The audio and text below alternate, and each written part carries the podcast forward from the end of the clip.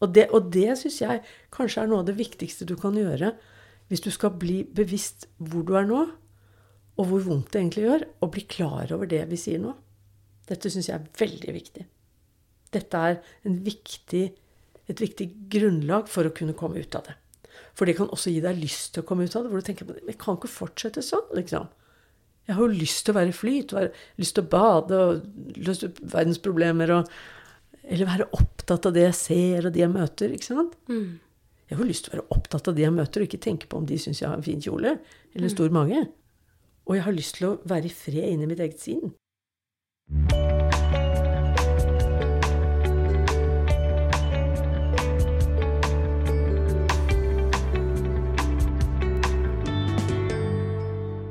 Hjertelig velkommen til podkasten 'Leger om livet'. Jeg heter Anette, jeg jobber som lege og har eh, laga denne podkasten for å gjøre nyttig og god kunnskap lett tilgjengelig for alle.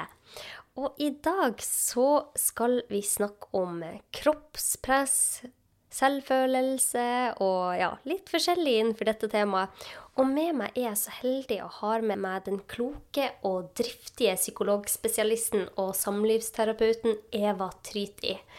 Hun, Eva Triti hun er fast spaltist i De nære ting i Klassekampen. Hun er et populært intervjuobjekt i media, og hun har skrevet tre bøker, hvorav siste heter Lykkekrigen fra kroppspress til selvrespekt. Hjertelig velkommen, Eva Tryti. Takk skal du ha. Du, hva, hva, legger du i dette fra kroppspress til selvrespekt, egentlig? Og hvorfor fant du ut at det var akkurat dette temaet du skulle skrive den siste boka di om? Det har jeg hatt lyst til å skrive i ti år. Men, men, det har tatt sin tid av forskjellige grunner, for man har mye annet som foregår. Men nå har den kommet, da. Jeg fikk trøst av en, en dame jeg kjenner som er gammel og klok, som sa har du brukt ti år? Ja, men da blir den kjempegod! ja, Det er jeg helt enig i, for jeg har lest den, og den er kjempegod. Nei, men jeg har hatt lyst til å skrive den i ti år, fordi dette kroppspresset har jo vært der lenge. Eh, og det har vært skrevet en god del bøker om hvor fælt det er. Mm. Og, og, det var sånn jeg måtte passe meg for. For man får så lyst til å skrive 400 sider om hvor fælt det er. Og hvor mye verre det har blitt enn før. Men, men det er jo ikke det jeg vil fram til. Jeg vil fram til hva kan, hva kan vi gjøre? Hvordan kan vi ta noen andre valg hvis vi vil. Mm. Ikke sant? For det er ikke noe tvil om at særlig kvinner og damer, altså jenter og, og kvinner, men i grunnen alle utsettes for et mye verre kroppspress enn for 10 og 20 og 30 år siden. Det, det, ikke, det behøver vi ikke å diskutere engang. Er det sosiale medier, eller? Det er medier, sosiale medier, men det er også i kulturen. Større kultur. Det er motebransjen, det er det er kanskje at vi har eh, mer penger. Altså det kan være mange, mange ting som har påvirket det. Mm. Men, eh, men, det er blitt mye verre. Hm. Det er ikke noe tvil. Men denne mm. kampen har du tatt opp, og du ønsker å gjøre dette bedre for folk. Ja, og for meg selv. Ja. Jeg, jeg, lever i verden, jeg òg. ja, ja, ja, selvfølgelig. ja. Har det hjulpet? Ja, altså Da jeg tenkte hvordan skal jeg skrive dette på en ålreit måte, så skjønte jeg til slutt at du må legge deg selv inn i boka også. Og jeg er ikke redd for det vanligvis i terapier og sånn, men, men jeg, jeg, pleier ikke å dytte meg selv inn for å gjøre det heller. Men her trengte jeg å gjøre det. Mm. Fordi en av grunnene til at jeg tenkte at dette her er sprøtt, er jo at jeg har gått masse i terapi selv. Rimeligvis. Altså både fordi jeg trengte det, og fordi jeg skulle bli terapeut. Mm. Og, og, jeg er bevisst på så mange ting. Og jeg, har, jeg er kroppsterapeut i bånn har fireårig utdanning i kroppsterapi. ikke sant? Ja. Og hvis noen skulle ha det greit med kroppen sin, så var det jo meg. Og det hadde jeg bare delvis. Mm. Så da tok jeg med meg selv som en av de personene jeg skriver om i boka. Og så prøvde jeg de metodene som jeg har samlet meg der, om hvordan kan man få det bedre hvis man vil. Og har fulgt opp det. Og har det selvfølgelig også bedre. Det er ikke perfekt, men det er bedre, og jeg skal få det enda bedre. Hvor deilig! Mm. Ja, for man kan få det bedre. Kan, du kaller det rett og slett en lykkekrig. Ja. Fordi at Og jeg syns ja. det var så fint det du sa, at eh, når man er liten, så har man en sånn eh, selvforglemmelsestilstand. Jo. Man tenker jo ikke på hvordan man ser ut for andre. Altså, man har evne Man utvikler utover i barndommen en evne til å, når det trengs, og kjenne etter Oi, Hvordan virker jeg på de andre nå? Tråkket jeg salaten nå, liksom? Eller har jeg på meg feil kjole? Eller eh, var det noe jeg gjorde som noen ble sinna for? Men det er jo bare i spesielle tilfeller. Man skal jo ikke gå rundt og overvåke seg selv vanligvis. For vanligvis så skal man jo bare leve. Man skal, man skal ikke tenke på Nei, man skal ikke tenke hva på man gjør, og hvordan klær man man har går- på Nei, seg. man går, egentlig, når du går ut av døra, skal du egentlig ikke tenke på noe annet enn bladene utenfor, eller noe du er opptatt av i ditt eget hode. Ja. Men istedenfor så driver jeg og tenker på Mm. ha, hvordan er jeg på håret, ser jeg sliten Mm. ut, hva var det feil klær til feil tid, Hvem ser meg nå? hvem ser meg nå, å, skal jeg holde inn magen? Ja. Ja. Vi driver selv, selvovervåking. ja. Og, og det er jo en av de Altså disse superekspertene i verden på, på kroppsbildet, som jo er en vesentlig del av selvbildet vårt, de sier at det er en av de vanskelige tingene. Når vi har begynt å drive mye med sånn selvovervåking av kroppen, da er vi ute å kjøre. Og, og det er ikke mye tvil om at alt dette her rammer kvinner hardere enn menn. Og det er dels fordi Altså når jeg snakker om lykkekrig, så er det fordi det er ikke bare snakk om at vi skal perfeksjonere hvor mye vi pynter oss, eller hvor fine klær vi har, eller for den saks skyld hvor lekkert det ser ut rundt oss. Men i lykkekrigkulturen, som jeg kaller det, der får vi beskjed om at veldig mange av oss er feil. Kroppene våre er feil. Vi må omforme kroppene våre for å begynne å være bra nok. Altså, veldig ofte går det på slanking, men det kan gå på at du må være så og så trent. Eller det kan gå på at du ikke må få se, du får ikke se gammel ut. Du kan ikke ha rynker. Masse greier. Eller at du, du har feil kroppsfasong. Jeg har f.eks. snakket med folk med, som ikke har europeisk bakgrunn, og som, som føler at det er, kroppen deres er feil. Altså Lykkerikulturen forteller oss at nesten masse kropper er feil. Sånn som de er. Og det er skummelt. Å, det er trist. Det Ja, er så trist. Kjempetrist. Husker en, en jente som jeg skriver om der, eksempel, som, som sa at jeg, jeg prøvde å bli fotomodell. Jeg hadde en colombiansk kropp. Eh, litt indiansk, litt liten, litt tettbygd. Og jeg hadde så lyst til å bli fotomodell at jeg, jeg prøvde nærmest å slanke vekk min egen kroppsbygning. Og, og skjønte ikke at det var, det var moteverden som var feil. Det var ikke min kropp. Man skal passe inn Det er jo egentlig ikke bare på kroppen, men i det samfunnet vi lever i nå, så skal vi passe inn i, i de sånn, den veldig stramme, firkantige boksen som Og der skal alle være. Du skal gjøre det og det med karrieren din, du skal se sånn og sånn ut, du skal ha det sånn hjemme, du skal ha velstelte, perfekte barn. Og det er jo utmattende. Ja, det, er- det, er, helt umulig. Og det er umenneskelig, faktisk. Så, så jeg syns det er en krig mot oss. Så jeg oppfatter dette veldig alvorlig. Og, og samtidig, når man begynner å snakke om dette, så er jo et av problemene at de som rammes av det Ikke alle rammes like mye, men de som føler at de rammes av det, som vil være veldig mange kvinner og jenter, mange av dem har investert så mye i å bli riktige. At det føles nesten forferdelig å skulle liksom kaste vrak på det de har gjort. Da. At de føler at hvis jeg skal begynne å slappe av, da har jeg, da har jeg jo gitt opp all den innsatsen jeg har gjort. Pluss at da blir jeg sikkert eh, sett stygt på andre. Ingen vil ha meg. Ingen vil være kjæresten min, eller mannen min blir flau over meg, eller barna blir flaue over meg. Det er jo også, jeg må bare si det, jeg spesialiserer meg til å bli hudlege, og det er jo en del menn har som mista håret tidlig Ja, ja, i ja. 20-årene. Ja. Og- sånne ting. Og det, det er forferdelig for dem. De Ja, ja. blir så obs på det. De bare går med caps. Og, så det er menn òg blir Ja, jo påvirka. Men, men noe av problemet med kjønn her er jo Altså, det, det rammer begge kjønn, og, og det er klart jeg, jeg tror ikke vi kommer så veldig langt med å si hvorfor er det blitt sånn. Nei. Det blir litt som på andre kulturområder òg. Det er ikke alltid så vi vet hvorfor det er blitt sånn. Og all menneskelig atferd er på fint så sier man multideterminert. Det er aldri bare én årsak. Og sånn er det med kulturen. Og det er en sammensatt et, et puslespill av brikker, hvis vi kunne se det klart, som har ført til dette. Men der vi er nå, så er det vondt for menn, og enda vondere for kvinner. Ja. Ja. Og dette må vi gjøre noe med. Ja, og så er det klart at noe av det man burde gjøre noe med, er jo selvfølgelig kulturelle ting. Vi vet f.eks. at noe av det som tar oss, er jo bilder. Og det er ikke så lett å argumentere mot bilder. Men de går jo liksom rett ned i det ubevisste og, og beveger følelsene våre. Mm. F.eks. For eksempel ta Jeg har fått mye respons også fra eldre mennesker, fordi det har blitt mye mer kroppspress når du er halvgammel og gammel. Det tar liksom aldri slutt. ikke sant? Og hvis du ser f.eks. blader for eldre, reklame for eldre Når det er reklame for 70-åringer, så bruker de modeller som er 50. Når det er reklame for 60-åringer, bruker de modeller som er 40. Sånn at de alltid, du føler alltid at du er feil. ikke sant? Så, så det er jo litt kulturelt hvilke, hvilke, Hvilket mangfold har vi rundt oss? Hva ser vi på TV, i medier? Hva ser vi i reklamer? Hva, hva ser vi på teaterscener? Hva slags mennesker, kropper, aldre får vi lov å se? Og det vet vi har en god effekt. Men, men dette kan ikke hver av oss påvirke så veldig mye. ikke sant? At vi ønsker å ha større mangfold. Og det er selvfølgelig også mangfold med hudfarge og, og, og vekt og legning og alt mulig. Men, men dette med kropp og med, med vekt og utseende er dessverre ennå ikke i diskrimineringslovverket vårt, f.eks. Vi, vi godtar at normene er veldig stramme på det området.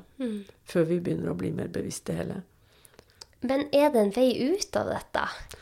Ja, altså, jeg tror en av, en av veiene er jo at vi slåss politisk også. Det fins ting som kan gjøres. F.eks. man merker, eh, merker eh, photoshoppet reklame osv. Ja. Man, man har enkelte byer i USA hatt Clean Street Act, hvor man slipper å gå rundt og ha reklamer på gaten hele tiden. ikke sant? Bare det gir jo mer fred i hverdagen. Men hver og en av oss kan jobbe ganske mye med oss selv hvis vi vil. Så bra. Ja. La oss komme til det. Ja. Hva kan vi gjøre for å faktisk slippe unna dette? For jeg tror det har begynt tidligere. Jeg ser det hos Mm. mine slektninger som er ja, eh, noen av de som er åtte år, som er så opptatt av Mm. hva de går kledd i. Jeg husker, jeg husker så godt at når jeg begynte i syvende klasse, Mm. da ble jeg veldig obs på det. Men da hadde jeg jo levd ganske mange år lykkelig Ja. uvitende, så hadde jeg vært litt opptatt av det, men ikke til sånn stor grad som når jeg kom i sjette-syvende klasse. Men nå føler jeg jo egentlig at det begynner litt tidligere. Ja, det gjør det. Og jeg tenker Hva kan vi Jeg tenker for å hjelpe de som er yngre, så må vi først ha hjulpet oss selv. For det hjelper ikke å si 'Å, du er så fin', hvis du sier til dine barn 'Å, jeg er så stygg, og jeg er så feil, og jeg gjør sånn og sånn'. Ja, så, så Det er jo én ting som jeg så f.eks. At, eh, at jeg hadde gjort en del sånn fatshame med meg selv, som det heter. Altså at man liksom står og sier 'Å, jeg burde gå ned i vekt', og sånn. Og det er kanskje noe av det som tar folk mest. Og, og særlig kvinner, dette her at du hele tiden skal være tynnere. Og, og de som er tynne, kan liksom føle seg heldige med det, men så er det andre ting de går og tenker på. ikke sant? Men fryktelig mange altså det, er, det er liksom 70% av engelske kvinner i en undersøkelse prøver å slanke seg. Nei, Og så vet vi at det er fryktelig vanskelig å slanke seg. Ja, Ikke sant? Det vet vi når man vet noe om slanking. Jeg husker jeg fant eh, en lege som sa noe om at normalvektsområdet var blitt presset nedover gjennom noen tiår. Så fikk jeg, jeg fant aldri ut av det. Men til slutt så fant jeg på Folkehelseinstituttets hjemmesider at hva er den optimale vekten, og dette vet sikkert du, hva er den optimale vekten hvor man er aller friskest? Jo, det var liksom sånn kroppsmasseindeks 24 til 26, som liksom kalles sånn lett overvektig, og som mange mener er altfor mye vekt. Men da er vi sunnest. Har lettest for å bli gravid og amme og bli frisk etter influensa og osv. Mm. Og, og dette er jo gjerne en sånn normalfordelingskurve, sånn såkalt Gaus-kurve. Så det betyr at også om du er litt over det, og liksom er en del overvektig, så er du fortsatt sunn, akkurat som når du er under det. Ja. Ikke sant? Og så snakker vi mye om fedmeepidemi og hvor, hvor uh, lite friske vi kan bli hvis vi blir for tykke. Men vi kan bli lite friske hvis vi blir for tynne òg, og det snakker vi mindre om. Nå har det vært litt snakk om Akkurat nå når vi snakker, så har det vært snakk om skijentene og spiseforstyrrelser og, og hvilke helseplager de har fått i etterkant. Men det er klart, vi, vi lever jo i en litt spiseforstyrret kultur. Og det er noe av poenget at det er litt, sånn, litt flytende overganger mellom de som er syke, og de som bare er litt uh, forstyrret i måten å tenke på. Og mye av det er kulturskapt. Av og til kan jo en spiseforstyrrelse faktisk starte med noen få kommentarer av nærpersoner. Det er ganske skummelt, men det kan det. Ja, det I den kulturen vi lever i. Men Ja. også også er, altså, vi har jo alle våre ting. Alle Ja. vi mennesker har noen ting som Det er det første vi ser på i speilet. Ja. Og så tenk, hoffer man seg, ikke sant? Uff. Eh, og, og det er Jeg tror nesten ingen er ja, slipper unna det der. Kanskje en del Det kan være en del menn som slipper unna det jo eldre de blir, jo tryggere de blir. For at der, er, der er det ikke så mye press. Men eh, det er jo vanskelig. Jeg husker jeg har fått noen kommentarer når jeg var sånn åtte-ti år, som har hengt ved. Og den dag i dag, når jeg ser meg selv i speilet, så er det første jeg ser på. Og det har hengt ved meg så lenge at det bare er normalt for meg. Og så har jeg blitt mer bevisst på det med eh, tida, og jeg har jo blitt tryggere på meg selv, men det er fremdeles kjempesårt. Så hvis noen kan hinte om det samme, så kan jeg kjenne Å ja, det bekrefter alt jeg har tenkt i 20 år. Og det, det er tungt. Det er tungt. Man blir så selv... Selvbevisst på en, på en negativ måte, ikke sant? Ja, og Ja. av og til så skulle jeg ønske at jeg så meg selv i speilet uten å se på det jeg syns var negativt. Jo. Og hvordan og gjør man jo- det? Altså, jeg har jo en del konkrete Siste del av boka. Første del av boka er om det som er vanskelig, som vi har snakket om nå, nærmest. Og, og del nummer to er om hvordan blir mennesker lykkelige. Hva gjør oss lykkelige på ordentlig? ikke sant? Og mye av det er jo sånn selvforglemmelse, at man går opp i noe annet, og gode relasjoner osv. Eh, Og det vi det har jo vært drevet veldig mye lykkeforskning. Sant? Og jeg husker Seligman, som var den store nestoren innen lykkeforskningen. Han sa til oss på en kongress at det er tre hovedfunn, sa han, som, som, om hva som gjør oss lykkelige. Det er selvfølgelig gode relasjoner til andre mennesker. Ja, det vet vi. Og ha et større perspektiv på livet. Og det får man i hvert fall ikke hvis man har et dårlig kroppsbilde og dårlig selvbilde, for da blir man selvsentrert på en ulykkelig måte Ja. ha større perspektiv. Se det historiske, eller se det økologiske, eller liksom ha et større blikk på det hele, og at vi skal strebe etter det.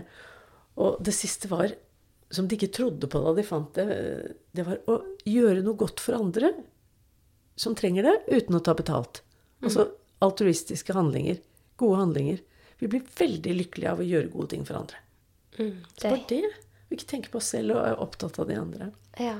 Så det er del nummer to. Og del nummer tre er konkret. Hvordan kan du jobbe med deg selv hvis du vil?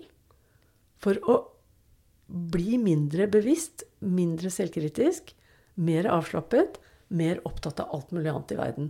Og hvordan kan du kanskje også stramme inn på hvor mye tid, penger, krefter, tankekraft du bruker på eget utseende? Jeg har systematisk spurt kvinner i terapi i en god stund nå omtrent hvor mye tid de tror de bruker morgen og kveld på å stelle seg. ja. Sant? Og også smøre litt utover hvis man av og til har noe hudstell eller neglestell eller fotbad og sånn. Og så omtrent hvor mye tid, så spør jeg gjerne sånn Tror du det er en halvtime? Og de fleste sier å nei, det er mer enn det. Kanskje en time eller halvannen, sier noen og sånn. Det virker som om kanskje kvinner bruker en time mer enn menn på utseendestell per dag. Oi, oi, oi. Og det blir faktisk ti arbeidsuker i året. Kan du tenke deg. Kan du tenke deg. Og så kan man spørre seg burde menn bli litt mer stelt og pene. Det er vel sikkert noen som syns det. Eller kanskje vi skal få lov å slappe av litt. Ja. Og velge litt mer etter hvem vi er. Noen av oss kanskje syns det er, faktisk er gøy med stelle hår, eller holde på med hudstellet vårt, eller vi er opptatt av klær og sånn. Men for de fleste av oss nå, som bruker mye tid, penger, krefter på det, så er det fordi vi føler det som en plikt, og ofte for å skjule noe. Jeg må finne bedre klær så jeg kan skjule kroppen min. Jeg må finne bedre sminke så jeg kan skjule rynker, eller at jeg syns jeg har stor nese eller små øyne, eller hva det er. ikke sant? Så det utgangspunktet er vondt. Ja, utgangspunktet er vondt. Ja. Du gjør det fra egen uro, på Fra en måte. mangel og en selvforakt, ikke sant? Som, du har, som no, noen har lært deg. Ja. For vi hadde det jo ikke med oss da vi var små. Nei, og det ser jeg jo. ikke sant? De løper rundt og er ikke selvbevisst i det hele tatt. Og det er så deilig å være sånn. Og kanskje mange av oss også har noen steder på jord fortsatt hvor vi kan være sånn. Vi kommer til liksom, på hytta langt inn på fjellet, eller vi er sammen med den og den personen, så bare slapper vi helt av. Og det er så deilig. og så kan man jo pynte seg med liksom, Det er også en bevisstgjøring. Hvorfor gjør man det man gjør? Ja. Blant annet så vet vi at det er blitt mange flere som nå Altså vi vet at noe sånn som 10% av gutter og menn sier at de trener mest for utseendet, mens det er 40% av jenter og kvinner som sier det i dag. ja. Ikke sant? Og vi vet også at dårlig kroppsbilde er tett, henger tett sammen med mange psykiske plager. Altså depresjon, angst, sosial angst, spiseforstyrrelser, ortoreksi. For at man føler ikke at man når opp til det perfekte. Nei.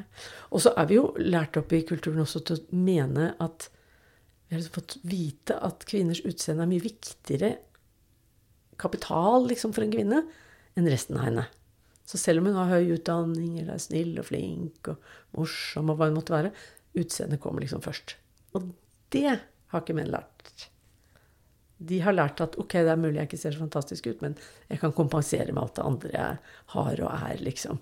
Ja, for de har, an, ja. annet press. De, de, de er kanskje enda mer press på karriere, eller Så det er, jo, det er jo press fra alle press. hold på, på alle mennesker på denne jord. Men jeg vil vite, hva kan vi konkret gjøre, da? Ja. Fordi at dette er noe man kan gjøre. Og sånn som jeg selv, jeg har blitt tryggere med årene. Og det sier jo alle, at man blir tryggere med årene og sånn. Men jeg har gjort noen konkrete eh, grep selv for at for ti år siden så var jeg på mitt lavpunkt. ja, okay. Og, og da måtte jeg virkelig ta tak i mange ting med livet mitt som har hjulpet meg veldig mye. Og hva, hva er det du anbefaler pasientene dine som kommer inn døra?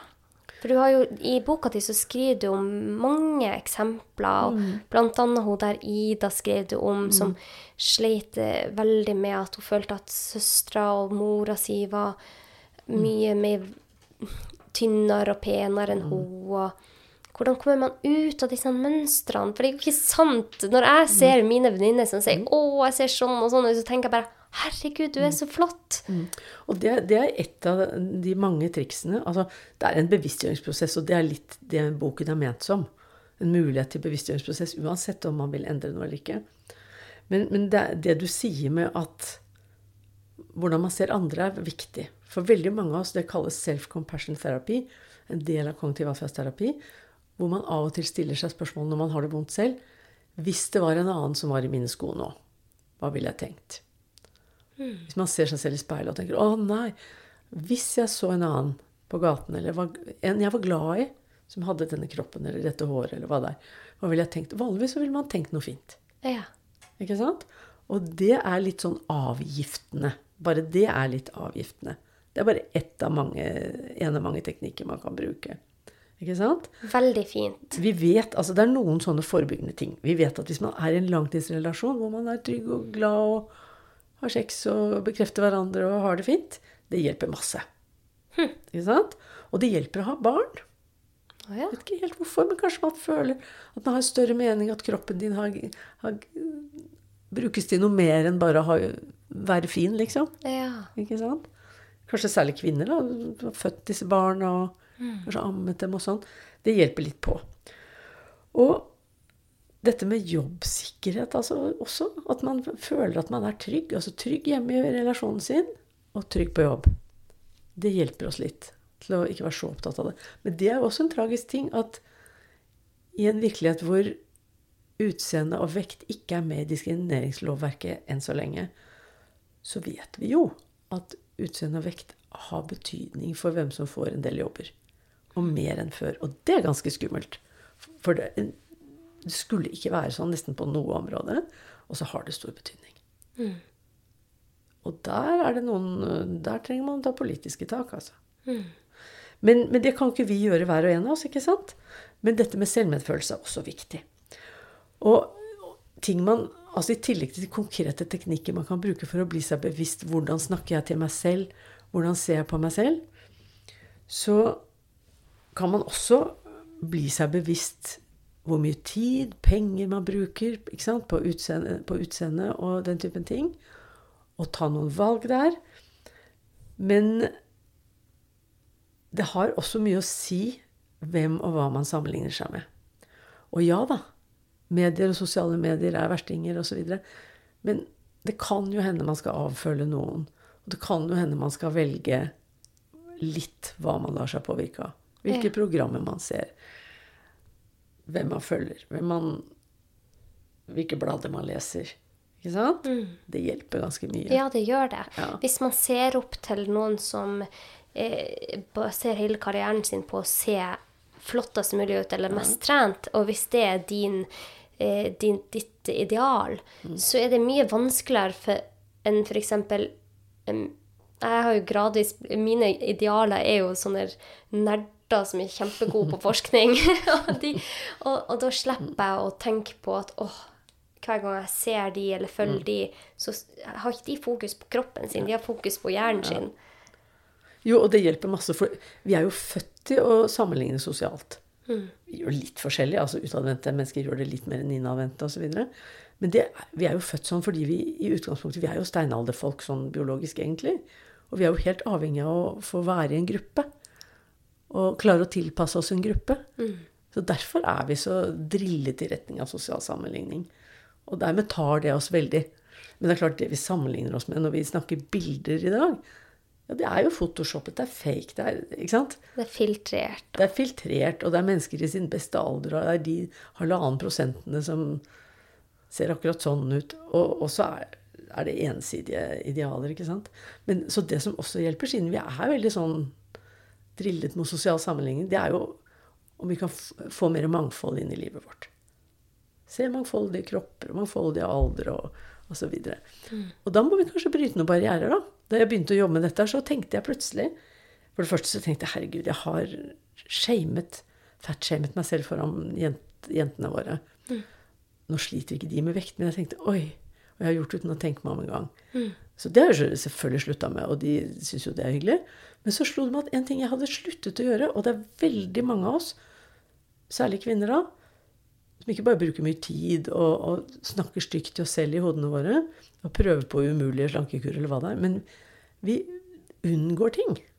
Og det er ikke så mye jeg har unngått, for jeg har det jo generelt ganske bra med meg selv, siden jeg har gått mye terapi og har mange teknikker. Men jeg fant at til og med jeg har noe, det er derfor jeg tar dem i boka. Og en av de tingene jeg hadde sluttet nesten å gjøre, var å bade.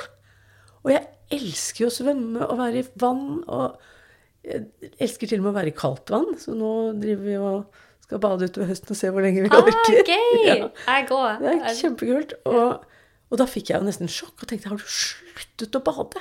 Fordi du lurer på hvordan du ser ut i bikini. Dette må jeg gjøre noe med. Og det er jo nesten sånn antifobitrening. At da, ok, da tenkte jeg dette skal jeg ta gradvis tilbake. Ikke søren om den gale verden der ute skal ta fra meg badingen.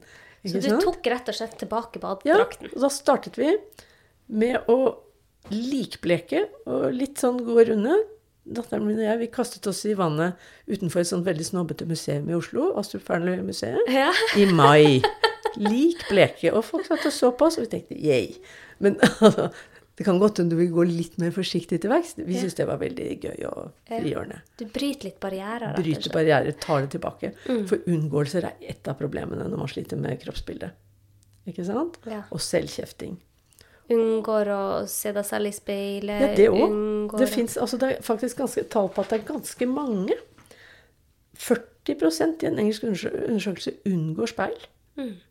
Fordi de er så misfornøyd med sitt eget utseende. Mm. Det burde ikke være kroppen, det kan være ansiktet òg, ikke sant.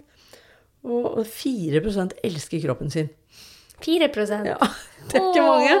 Ja, men det, vi kan få opp de tallene Vi der. kan få opp de tallene der, ikke sant. Ja. Så, så utfordre det. Og, og noe annet vi driver med, er jo sjekking. Mange av oss sjekker.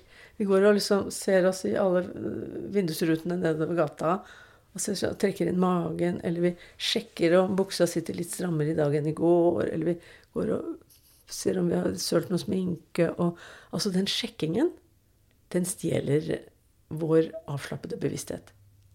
Og jeg har jo jobbet mye med meditasjon og mindfulness og alt dette her. Og Så et av hovedgrepene jeg tar i boken, er å si at ja, hvis man skal være lykkelig selvforglemmende Og det, det er jo da man er lykkelig, Ja. når man glemmer seg selv, faktisk. Ja, det er et godt poeng. Ja, så Ja, da må man faktisk vekk fra alt som gjør at vi går og overvåker. Og den, enten vi tenker 'Å nei, det kan jeg ikke gjøre. Jeg må unngå det.' Og unngå speil og sånn. Det, det er jo noe som tar bevisstheten vår. Stjeler den. Og dermed gjør oss ulykkelige. Og også sånn sjekking og sånn overvåke hvordan vi ser ut, eller om det er bra nok, og, og folks blikk på oss. Hvordan ser det ut i fjeset nå? Syns de at jeg er rar nå, eller stygg nå, eller ikke sant? At jeg ikke skulle vært der. All denne selvbevisstheten gjør oss ulykkelige, og den tar rett og slett sinnet vårt vekk fra der hvor sinnet vårt skulle være, nesten hele tiden. Og det er enten inni oss selv, hvor vi er opptatt av tanker og fantasier, eller løse problemer og lærer oss ting, eller der ute.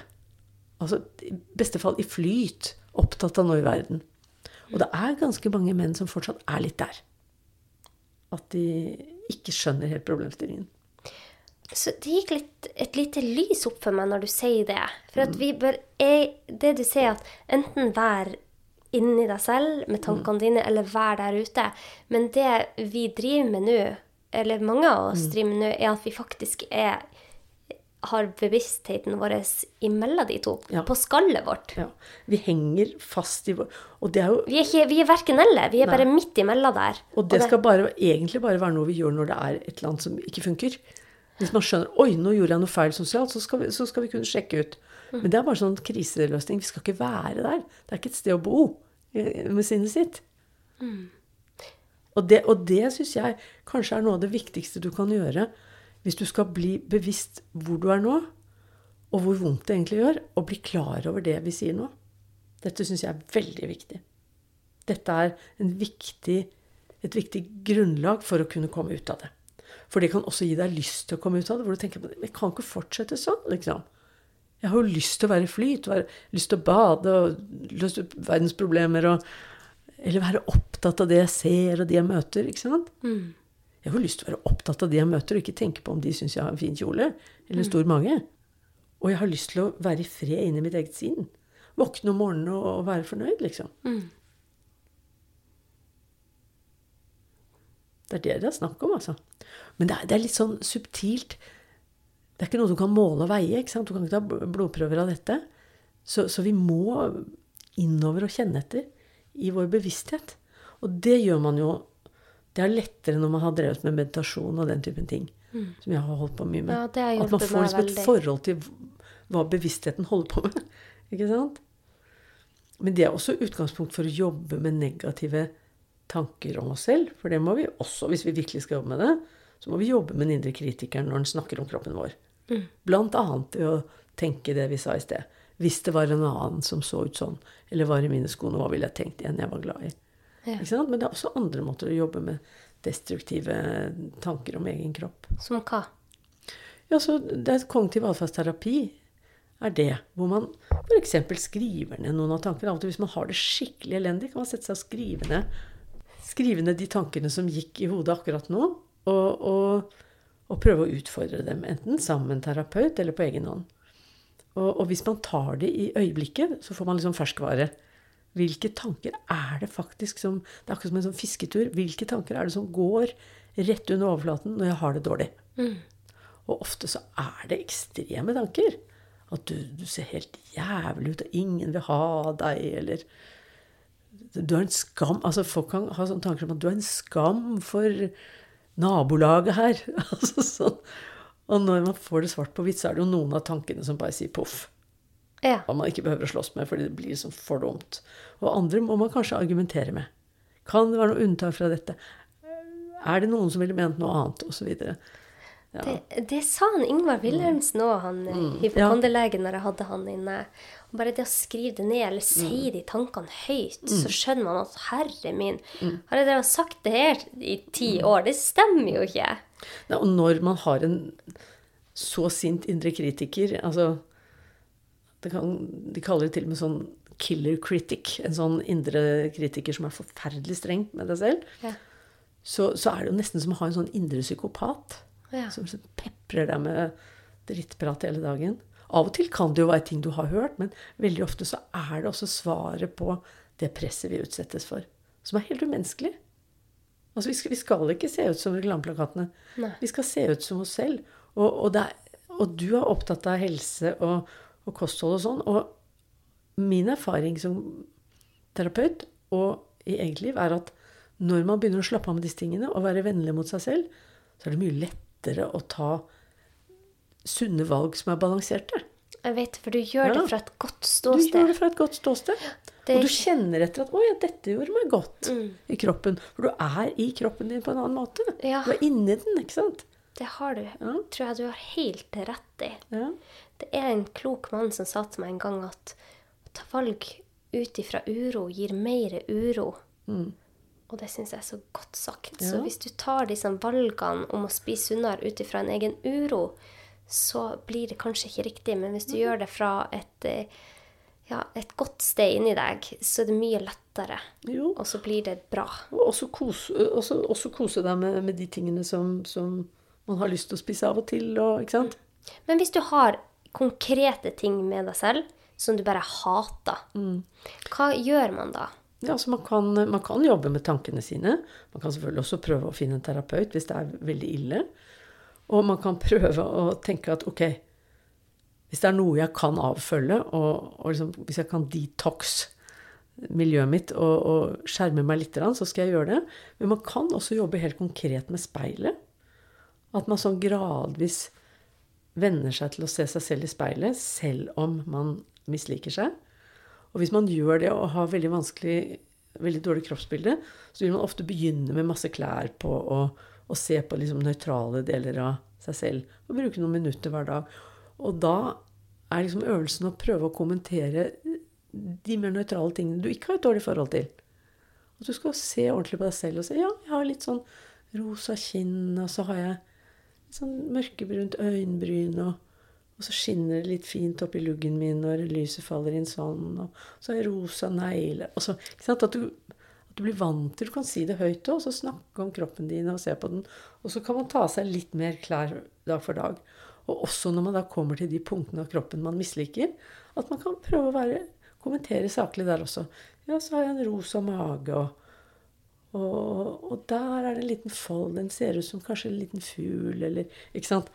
At man rett og slett venner seg til å se på kroppen i speil. Jeg nevnte jo hvor mange som ikke orker det. Ikke sant?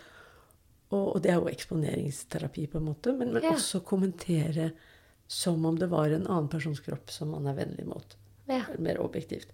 Og det vi vet når man jobber med negative indre tanker, enten de dreier seg om kropp eller andre ting, er at hvis man begynner å bli bevisst dem og svare dem, så vil de svekkes.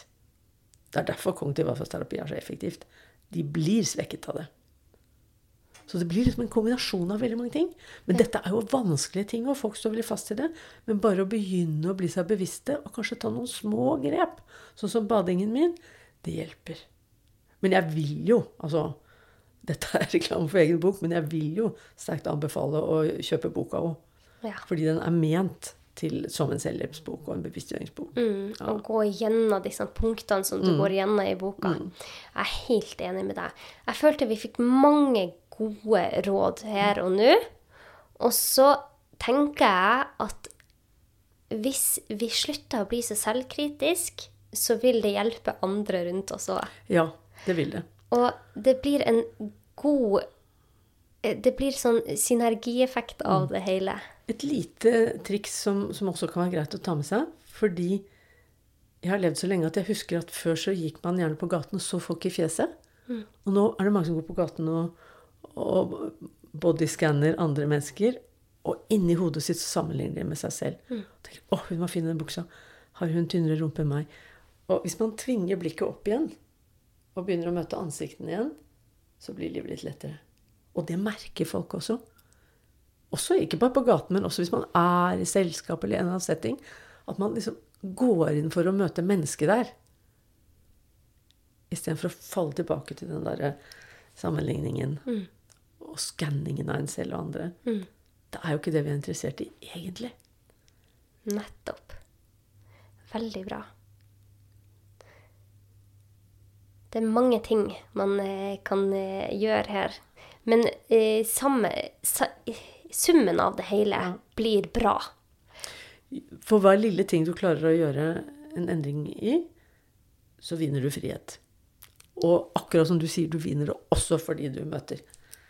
Så deilig. Og det er det vi vil ha. Vi vil ha den der eh, forglemmelses, eh, selvforglemmelsestilstanden Ja. som er så deilig, og som vi alle kjenner på når vi er ute i naturen, og da tenker vi ikke et sekund på oss selv, eller Leke med små barn, eller ja, ikke sant? ja det, og man skal være mest mulig, og det syns jeg var så fint i boka di, at du skriver man skal være mest mulig i den tilstanden, for det er da vi er lykkelige.